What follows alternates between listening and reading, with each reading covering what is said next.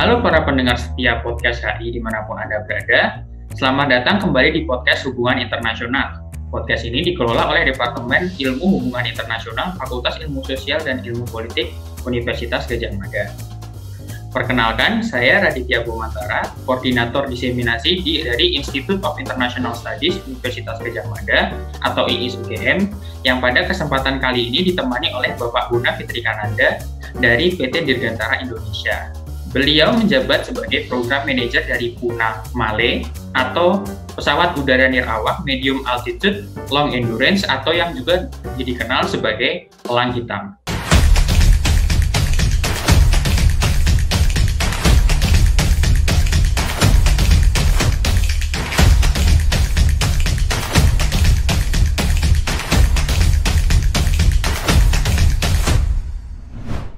Apa kabar Pak Buna? Baik, Alhamdulillah. Terima kasih atas undangannya. Para pendengar setiap podcast HI pada kesempatan kali ini, kita akan membahas mengenai perkembangan teknologi pesawat nirawak dan potensi drone otonom di Indonesia. Setelah pada edisi sebelumnya kita sempat membahas mengenai serba-serbi killer robots secara umum, pada kesempatan kali ini kita akan membahas uh, kepada topik yang lebih spesifik, yaitu tentang perkembangan teknologi drone di Indonesia dan juga prospek perkembangan teknologi tersebut ke depannya. Nah, menurut Pak Buna sendiri, bagaimanakah perkembangan teknologi dan produksi drone drone sejauh ini di Indonesia? Oke, uh, terima kasih atas uh, pertanyaannya. Jadi memang kalau kita melihat uh, perkembangan teknologi dan produksi drone sejauh ini di Indonesia, secara umum menurut saya nih ya, perkembangan teknologi dan ini sudah sudah mengalami kemajuan yang yang cukup signifikan lah dari sisi jumlah pengembang dibanding di kira-kira satu dekade yang terakhir. Jadi kalau kita lihat dari jumlah berapa banyak orang yang membuat pesawat, drone, pesawat UAV seperti itu, saat ini boleh dikatakan sudah cukup banyak gitu ya, sudah cukup berkembang dengan dengan dengan pesat banyak orang. Sehingga menurut saya perkembangannya sudah sudah baik.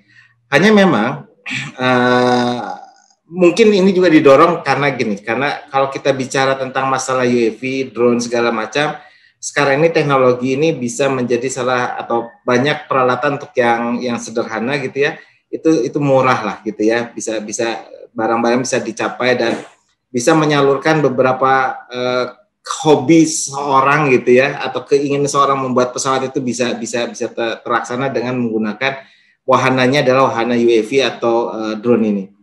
Sebagai contoh aja misalkan, saya sempat menjadi uh, juri di KRTI, kontes robot terbang Indonesia. Kontes robot terbang Indonesia itu diikuti oleh seluruh perguruan tinggi di Indonesia, seluruh Indonesia, seperti itu. Yang mengikutinya dari saya ikut sempat menjadi dua kali ikut menjadi juri di sana. Dari tahun yang pertama yang saya ikuti pertama dengan tahun yang berikutnya jumlah pesertanya itu bertambah cukup signifikan. Dan yang lebih me menggembirakannya lagi menurut saya saya sangat bergembira dengan itu bahwa pengikutnya saja itu dari perguruan tinggi bukan hanya negeri tetapi juga swasta dan bukan hanya di Pulau Jawa. Jadi mulai dari Sumatera juga sudah ada perwakilannya, di Kalimantan juga sudah ada perwakilannya, di Sulawesi juga ada perwakilan, bahkan dari Papua juga sudah ada perwakilannya gitu yang mengirimkan timnya untuk bertanding di KRT.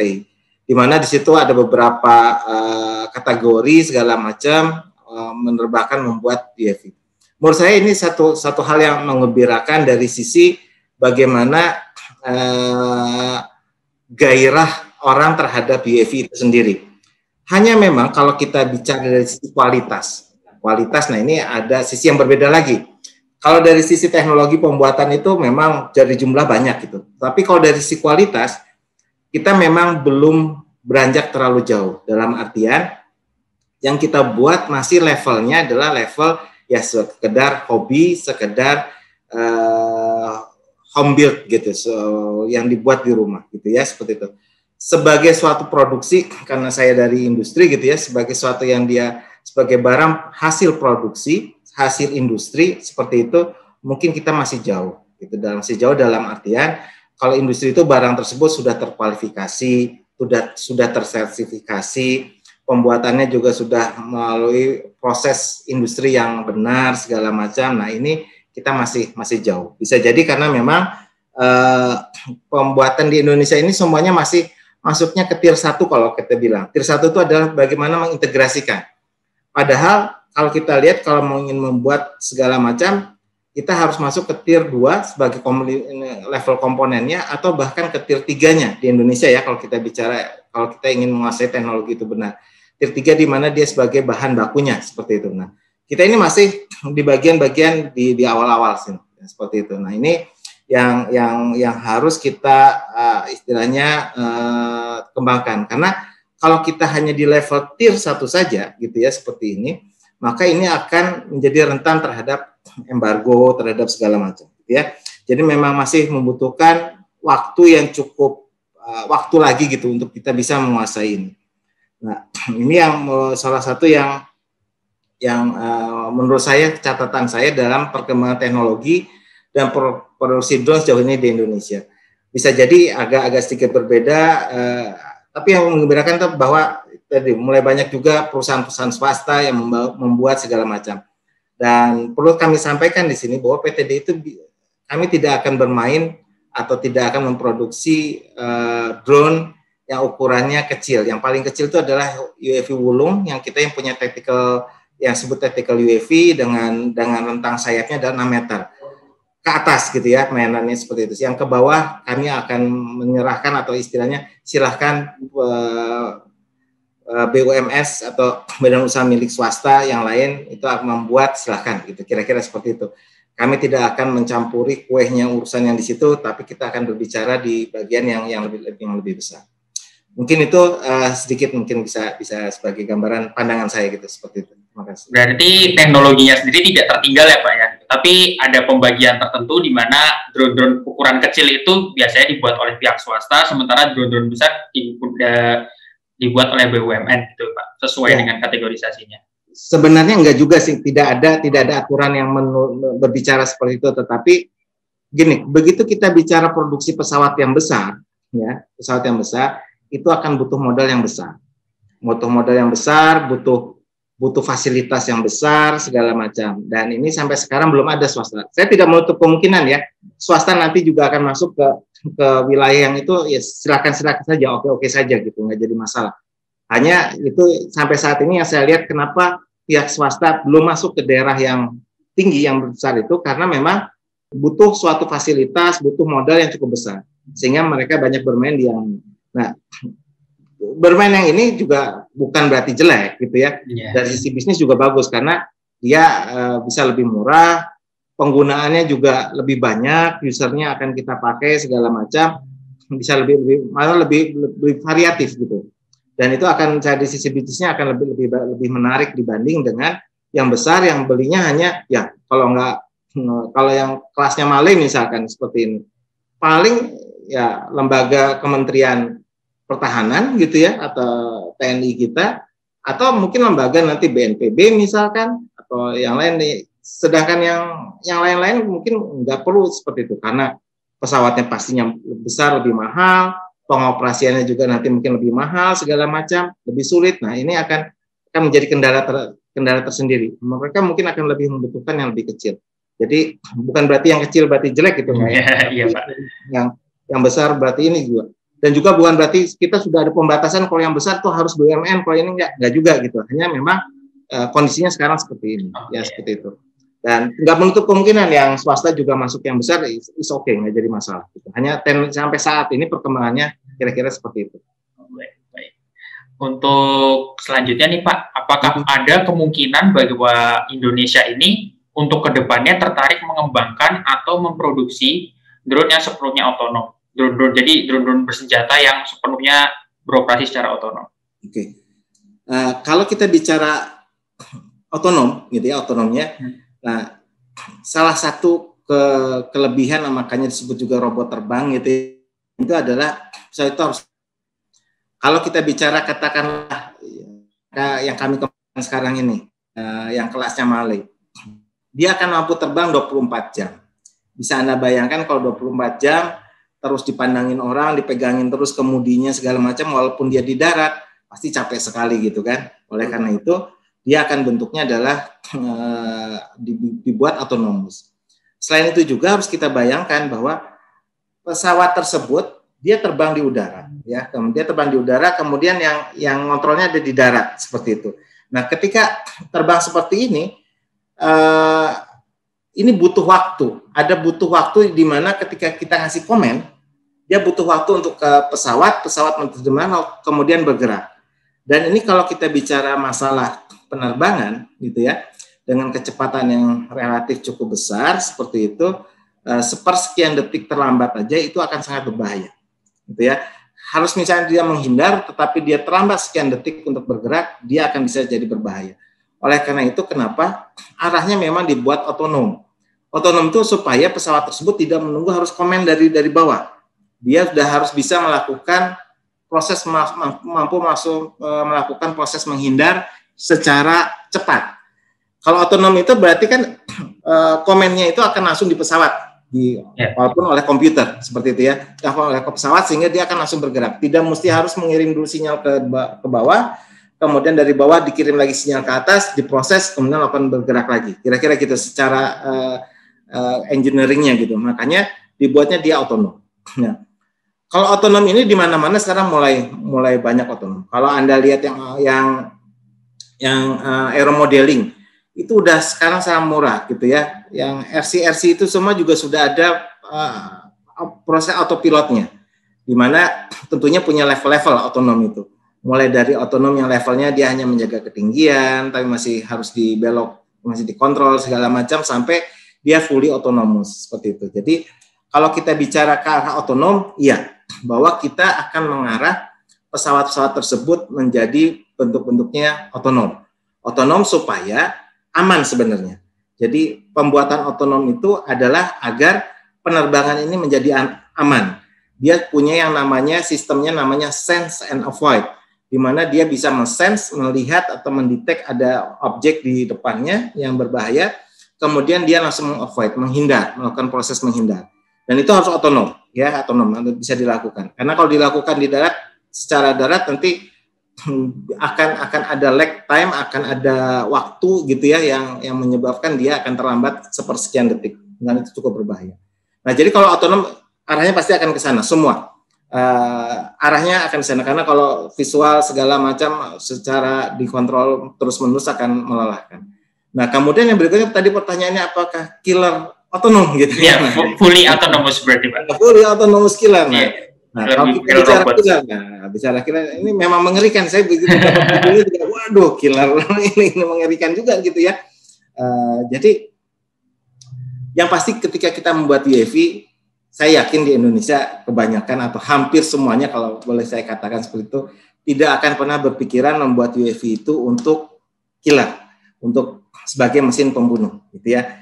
Termasuk kami juga membuat yang dia membuat senjata bu, membawa senjata bukan artian dalam artian dia untuk langsung membunuh gitu ya.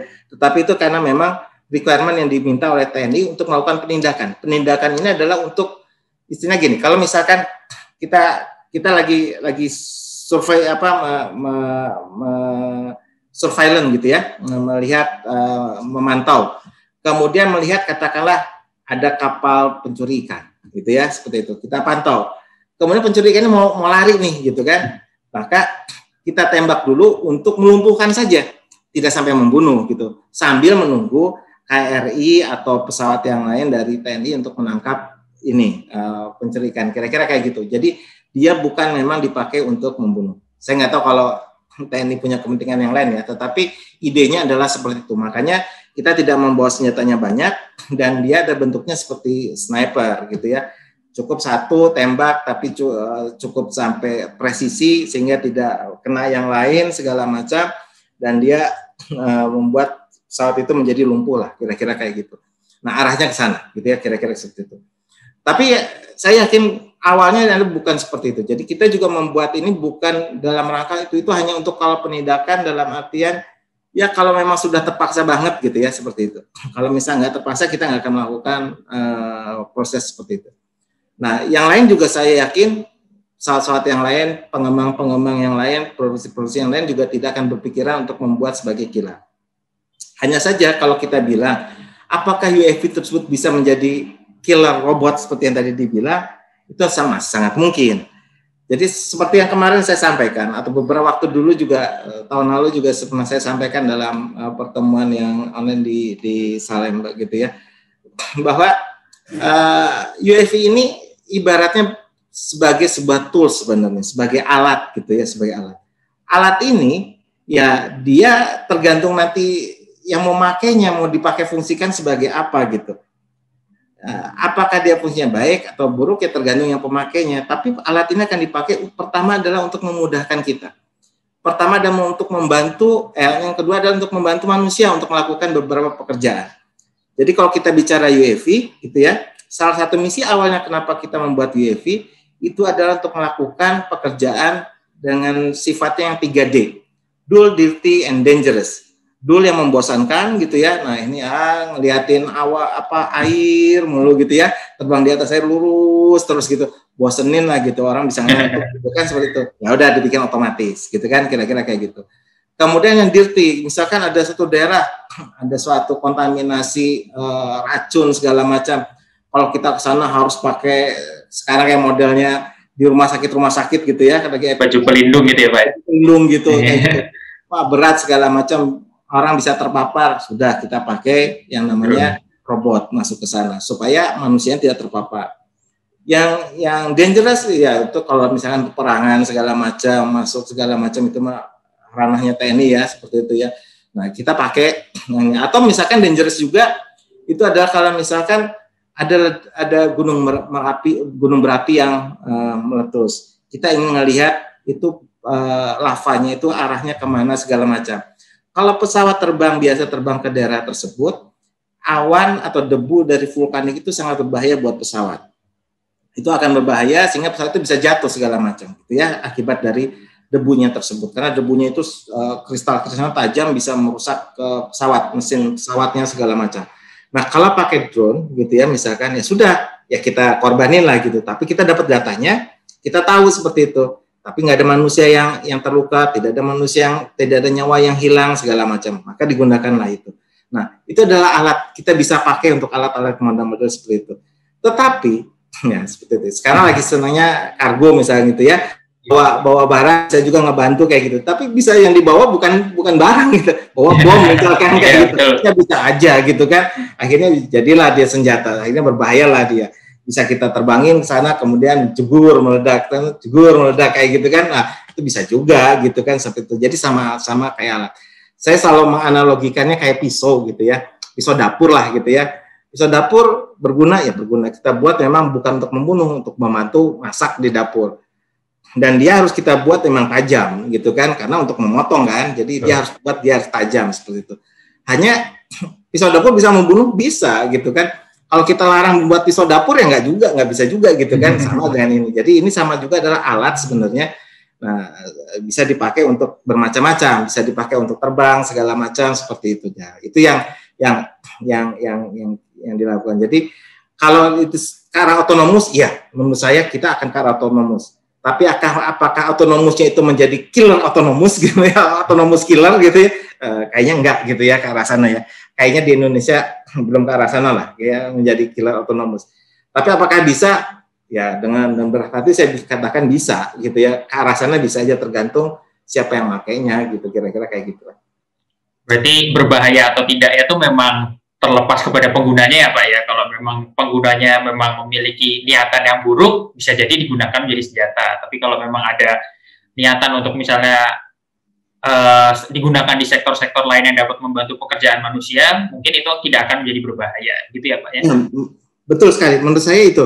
Jadi uh, apakah itu dibuat memang untuk untuk kebaikan manusia? Ya, tadi saya saya bilang ide awalnya membuat itu adalah untuk membantu pekerjaan manusia, gitu kan? Untuk melindungi manusia sebenarnya malah, untuk membunuh manusia. Hmm. Artinya jangan sampai manusia itu nyawanya hilang gara-gara melakukan tugas tersebut. Tugas itu udahlah serahkan aja ke robot gitu. Robot hancur bisa kita buat lagi gitu kan kira-kira kayak gitu. Nah, yang penting nyawa manusia terselamatkan. Kira-kira kayak gitu kan. Nah, idenya adalah ke arah sana awalnya. Tetapi ya kita tahu manusia itu tidak selamanya baik gitu ya.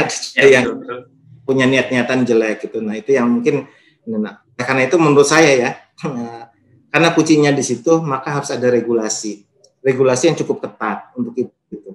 untuk menjamin agar apa yang dikembangkan itu tidak melenceng dari arah awal penggunaannya gitu atau awal D untuk membuat itu semua gitu kan seperti itu. Nah itu yang yang yang kan seperti itu jangan sampai melenceng ke sana.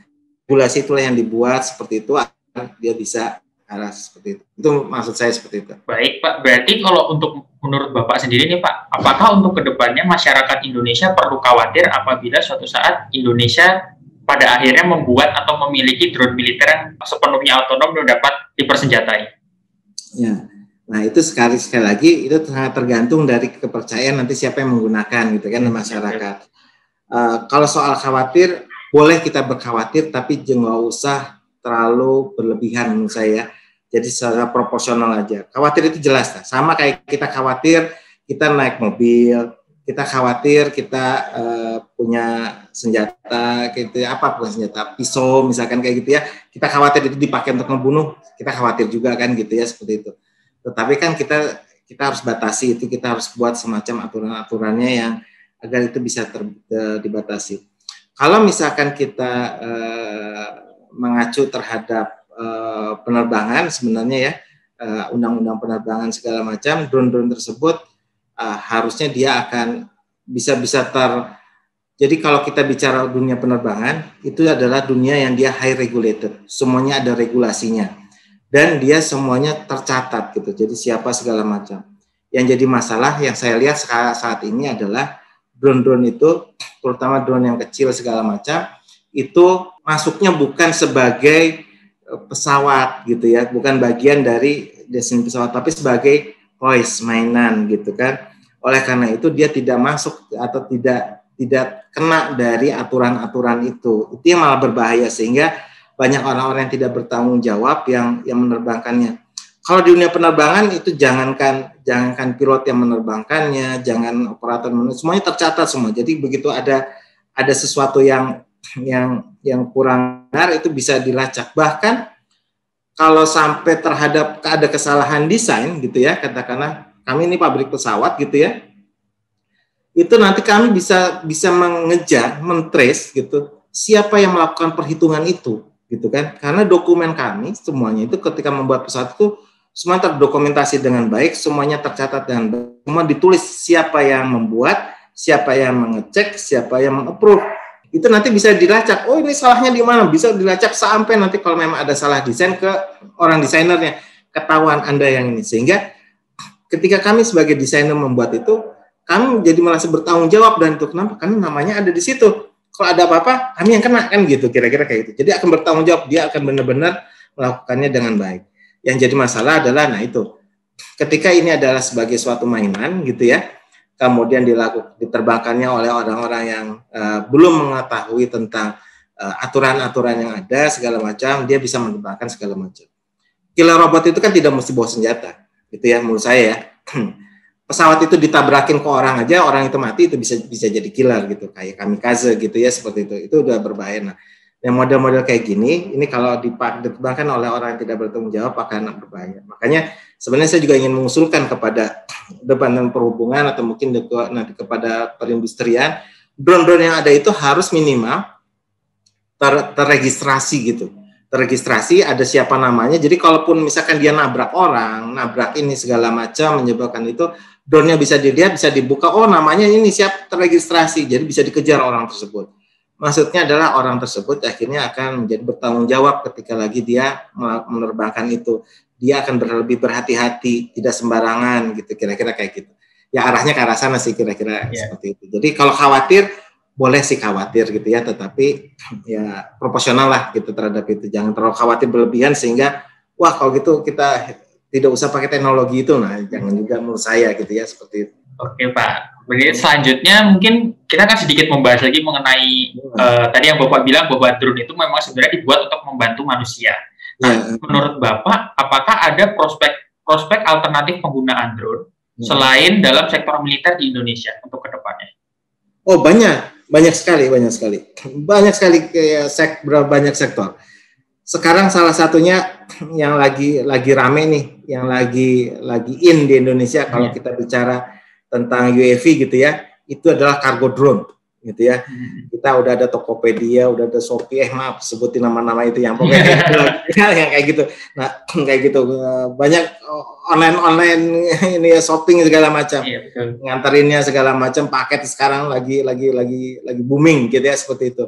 Nah paket-paket ini kargo itu sekarang lagi banyak dipakai, gitu ya, lagi menjadi salah satu uh, isu hot gitu ya, uh, isu panas yang lagi dibahas bagaimana membuat ini sampai aturan juga ya nanti kalau kita bicara dengan peraturan di uh, Debhub gitu ya uh, Kementerian Perhubungan uh, Kementerian Perhubungan ini juga mulai dibahas bagaimana membuat aturan tersebut. Karena kalau kita bicara kargo drone macam-macam kalau kargonya dia yang besar ya antar antar hub ke spoke-nya misalkan kayak gitu gitu ya dari satu titik ke titik yang besarnya kemudian nanti pakai kargo yang kecilnya ngantar ke rumah-rumah misalkan gitu. Itu kan terbang di antara penduduk gitu ya seperti itu. Nah ini cukup berbahaya. Nah, nah itu sekarang lagi diatur aturannya dan sedang dibuat gimana desainnya segala macam. Ini sedang ke arah sana ya di macam-macam untuk kargo drone.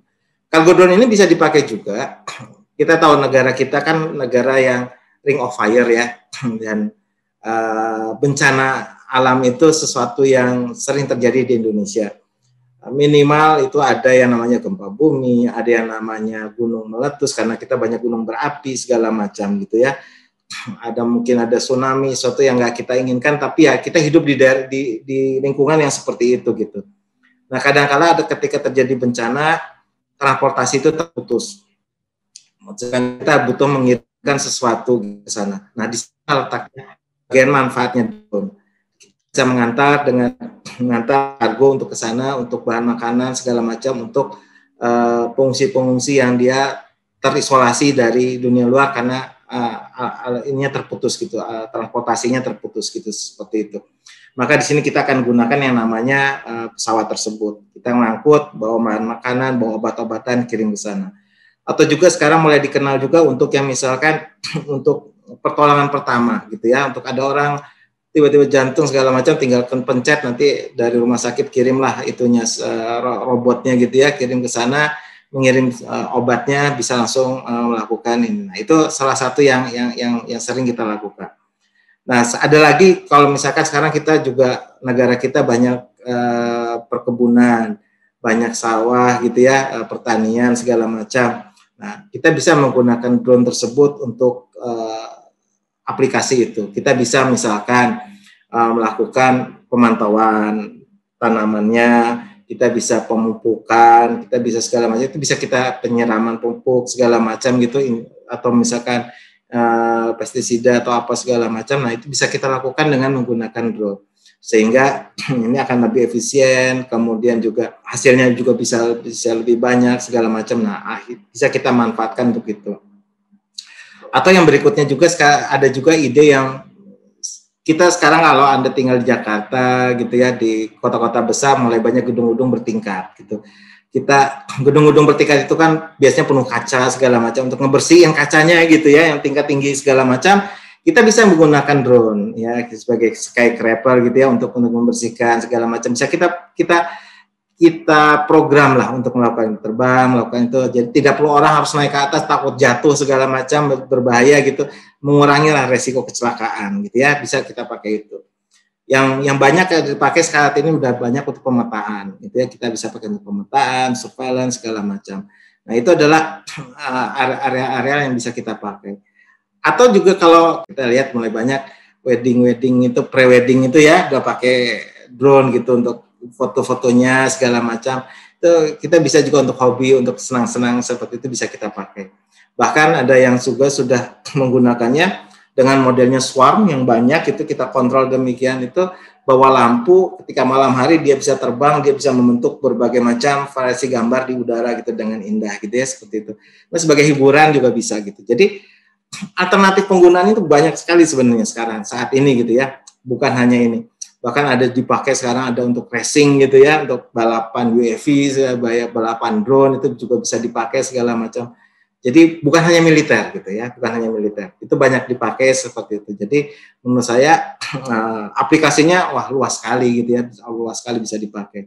Oleh karena itu mengapa sekarang ini berkembang demikian pesat? Karena memang aplikasinya bisa dipakai di mana-mana bermacam-macam seperti itu Jadi jangan berpikir hanya untuk militer aja ya, ada juga yang untuk sisi yang lain yang bisa kita pakai gitu ya, kira-kira seperti itu. Berarti memang ini ya Pak ya, apa fungsinya tuh sebenarnya banyak, tapi kalau misalnya ada sampai jatuh korban jiwa itu yang bertanggung jawab adalah tetap manusia. Ya betul betul betul. Nah itu yang harus harus kita kita menurut saya, saya itu yang harus dijaga gitu. Tadi misalnya tadi yang saya bilang ya kargo gitu ya, ngangkut untuk obat-obatan bisa, tapi ngangkut bahan peledak juga bisa juga gitu kan, sama juga gitu, ya, sama-sama diangkut, sama-sama ini, ya akhirnya kembali kepada manusianya siapa yang melakukan itu segala macam. Nah, untuk itu memang menurut saya harus ada regulasi yang mengatur itu. Memang regulasi ini juga pisau bermata dua gitu ya. Satu sisi kita kalau diketatin akan jadi lebih aman segala macam, tetapi nanti ini akan bisa membunuh eh, hobi-hobi yang akan melakukan pekerjaan gitu kan apa yang hobi-hobi yang ingin mencoba mencoba-coba gitu karena aturannya ketat segala macam malah akhirnya uh, membuat orang malas. Saya pribadi saya termasuk orang yang karena saya latar belakangnya adalah uh, penerbangan segala macam, saya lebih senang kalau banyak orang yang senang dalam dunia penerbangan gitu ya. Orang senang terhadap pesawat, saya senang sekali gitu kan seperti itu. Jadi Eh, banyak orang yang senang ini dan ini akan akan bagus bagi uh, dunia penerbangan di, di di Indonesia gitu. Makin banyak orangnya, makin banyak yang terlibat, ini akan akan semakin semakin menarik gitu dibanding dengan hanya segelintir orang segala macam gitu. Makanya regulasi ini juga uh, nggak mudah juga bukan sembarang kita butuh regulasi segala macam. Nah, saya tahu ini agak agak sulit oleh karena itu ya saya serahkanlah kepada uh, pihak otoritas yang lebih lebih mengetahui pemanfaatannya itu seperti apa gitu kira-kira kayak gitu.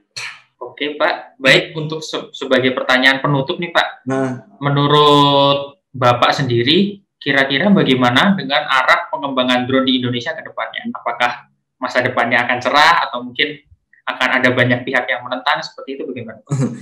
Nah, saya pribadi saya melihatnya masa depannya cerah, cerah dalam artian uh, saya melihat antusiasme dari banyak uh, mahasiswa pelajar yang yang mulai tertarik untuk mencoba membuat drone gitu ya belajar bagaimana membuat drone. Memang itu nanti harus diarahkan diarahkan dalam artian ayo jangan hanya buat sembarangan buat tapi ada ilmunya belajarlah untuk membuat ilmunya.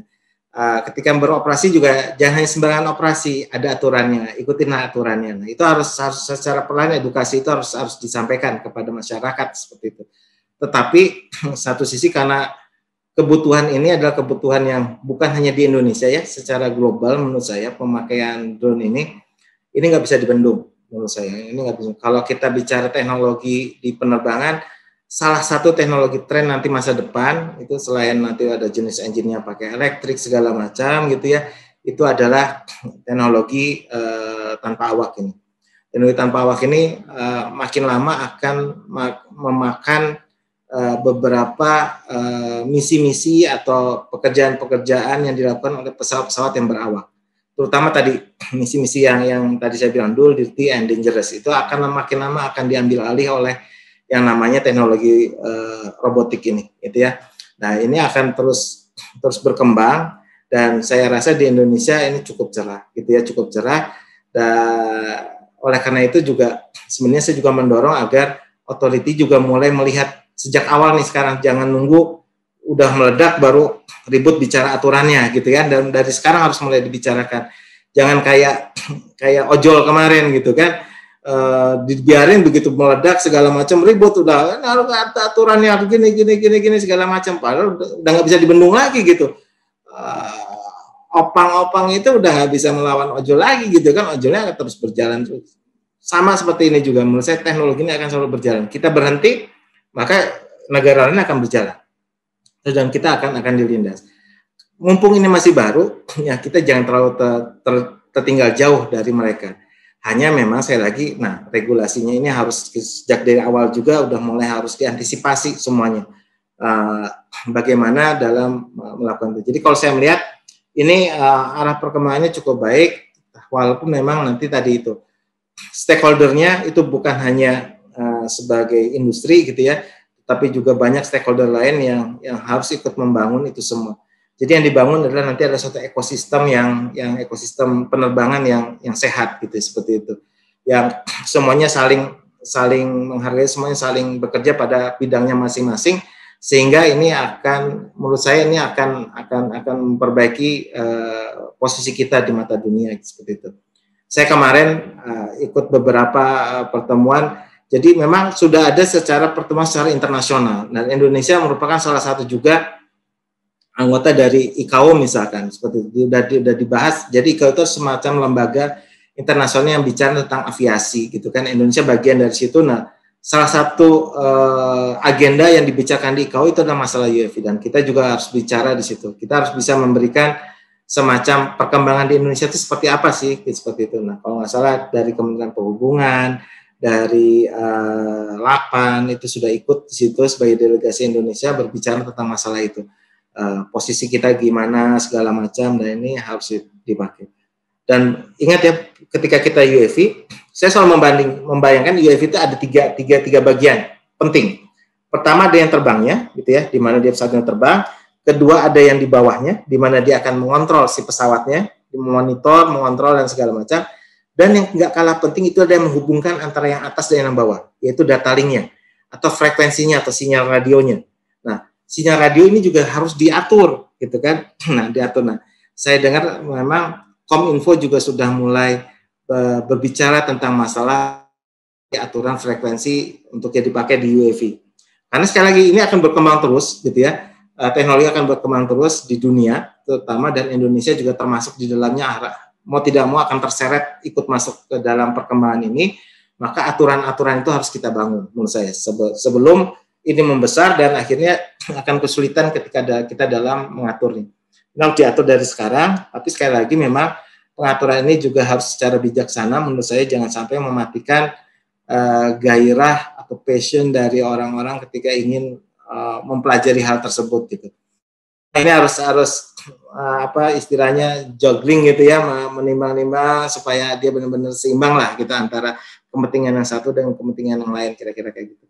Jadi kalau saya sih tetap uh, optimis bahwa perkembangan uh, ini akan akan majulah di ke depan kita seperti itu. Baik Pak, berarti memang kita juga harus mendorong pihak stakeholder juga institusi ter institusi terkait untuk membuat regulasi yang ketat supaya ekosistem penggunaan drone di Indonesia itu juga menjadi sehat dan tidak disalahgunakan begitu ya Pak ya? Nah, betul betul. Uh, hanya saya ini regulasi ini tidak mesti regulasi yang ketat ya, artinya regulasi yang bijaksana lah gitu ya Okay. Karena regulasi yang ketat bagus satu sisi, dia akan menjadi aman segala macam, tetapi pasti akan mematikan para hobi. Kenapa? Karena begitu kita bicara regulasi yang ketat misalnya, pertama nanti akan dilihat siap uh, barangnya harus terkualifikasi. Mengkualifikasi itu bukan hal yang mudah, bukan hal yang murah. Kemudian dia harus menggunakan komponen-komponen yang sudah ini, gitu ya, sudah terini. Yang menerbangkannya harus punya sertifikat ini, ini, ini, ini, ini menerbangkannya harus minta izin dulu ini ini ini, ini segala macam.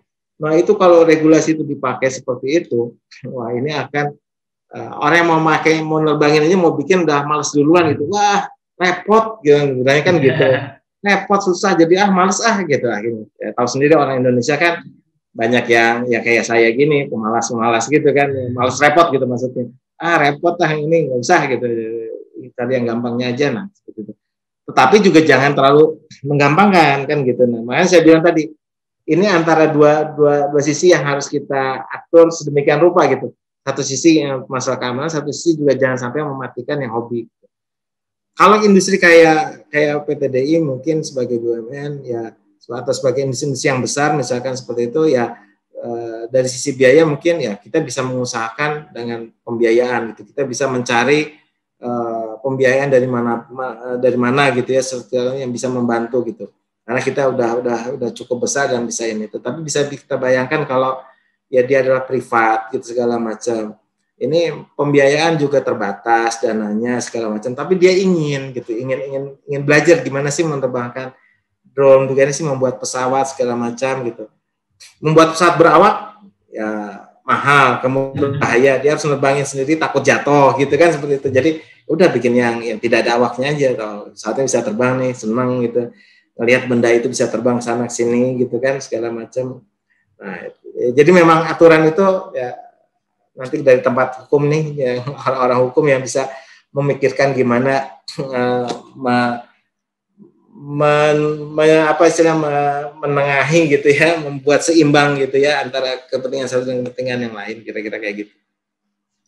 Kalau dari sisi teknik sih, salah ya menurut saya Indonesia nggak ketinggalan penduduk masyarakat Indonesia juga pintar-pintar gitu ya, bisa lah gitu mengejar dari sisi teknologinya sih gampang kita kita kita raih hanya yang uh, menurut saya kita harus jaga juga pagari itu dengan dengan aturan-aturan yang yang yang bagus gitu. Tidak uh, bagus artinya boleh ketat ya tapi asal bagus gitu ya seperti itu. Ya, atau boleh gimana lah itu diatur atur lah gimana cara ininya. Kira-kira arah sana lah kira-kira seperti itu. Baik bapak sebagai penutup saya ingin mengucapkan banyak terima, eh, terima kasih yang sebesar-besarnya kepada Bapak atas ilmu dan informasi yang telah diberikan tentang killer robots dan juga perkembangan teknologi drone di Indonesia pada kesempatan kali ini. Saya yakin diskusi hari ini akan sangat bermanfaat bagi para pendengar setiap podcast HI. Mungkin Bapak bisa memberikan sedikit penutup kesimpulan dari uh, bincang-bincang kita hari ini, atau mungkin pesan kesan dan kesan untuk para pendengar podcast. Oke, terima kasih semuanya terhadap pertama saya ucapkan terima kasih juga kepada panitia yang mengundang saya uh, ngisi podcast. Ini kali pertama saya ngisi podcast, kira-kira kayak gitu. Saya sendiri nggak tahu podcast seperti apa. Nah, uh, artinya gini, kalau kita bicara UAV, UAV itu adalah salah satu tren ke masa depan kita, gitu ya. Dan kita harus memandang UAV ini sebagai suatu alat untuk yang membantu manusia, untuk menolong manusia sebenarnya, untuk meringankan tugas atau pekerjaan yang harus yang biasa dilakukan oleh manusia, ya kayak seperti itu. Memang uh, alat itu sekali lagi dia hanyalah alat gitu, dia sangat tergantung dari manusianya siapa yang menggunakan alat tersebut. Dia bisa baik, bisa buruk, sangat tergantung dari manusianya. Oleh karena itu pembinaan manusia merupakan salah satu yang nggak boleh dilupakan. Kemudian juga aturan-aturan yang dibuat sedemikian rupa agar meminimalisir gitu ya terjadinya hal-hal yang menyimpang. Seperti itu harus dilakukan juga. Jadi ke arah sana dan saya yakin sih di Indonesia eh, perkembangan WF ini cerah dan saya yakin eh, masyarakat Indonesia, mahasiswa Indonesia segala macam ini uh, untuk menguasai teknologi ini uh, mampulah dan bisa bisa bersaing dengan dengan dari luar gitu ya kira-kira seperti itu. Kita nggak boleh merasa minder dengan kemampuan kita. Saya yakin kita bisa dan tadi udah disampaikan juga ekosistem ini harus dibentuk dan kalau bicara UAV ini sebenarnya dia bisnisnya atau uh, cukup luas gitu ya, bukan hanya dari sisi pesawatnya sendiri, tetapi dari sisi komponen itu juga butuh. Komponen itu mulai dari engine-nya, dari membuat propellernya, dari membuat baterainya, dari membuat uh, alat uh, flight control sistemnya, segala macam servonya, itu semua adalah produk-produk yang akan dipakai di UAV dan itu uh, menurut saya bisnis yang yang yang yang menggiurkan juga kalau ada orang yang terjun ke situ gitu. Dan uh, saya harap sih ini menjadi apa uh, bahan pertimbangan kita atau bahan masukan untuk kita bisa mengembangkan uh, eh, UAV atau uh, dunia aviasi di di masa depan. Saya pribadi karena saya adalah memang dibesarkan dan juga saya belajar di di, di uh, dunia aviasi, saya selalu berharap dunia aviasi Indonesia itu terus maju berkembang dan bisa bersaing di di dunia internasional secara global gitu ya seperti itu dan minimal kita menguasai dan minimal di apa rumah kita sendiri gitu ya di Indonesia kita uh, bisa menguasai itulah kira-kira seperti itu. Sehingga uh, kita boleh boleh khawatir tapi secara proporsional. Kekhawatiran itu menjadi namanya killer robot kira-kira. Seperti itu pak. Terima kasih pak. Baik terima kasih bapak. Selanjutnya, apabila para pendengar ingin mencari informasi lebih lanjut mengenai killer robots dan campaign to stop killer robots, teman-teman dapat mengakses sosial media IIS UGM yang merupakan bagian dari tim campaign to stop killer robots. Teman-teman dapat mengakses berbagai macam informasi, mulai dari, info, uh, dari infografis, dari tulisan-tulisan, dan itu semua dapat ditemukan di media sosial IIS ataupun di website IIS. Akhir kata, sahabat HI di mana pun Anda berada, nantikan podcast hubungan internasional edisi selanjutnya. Sampai jumpa.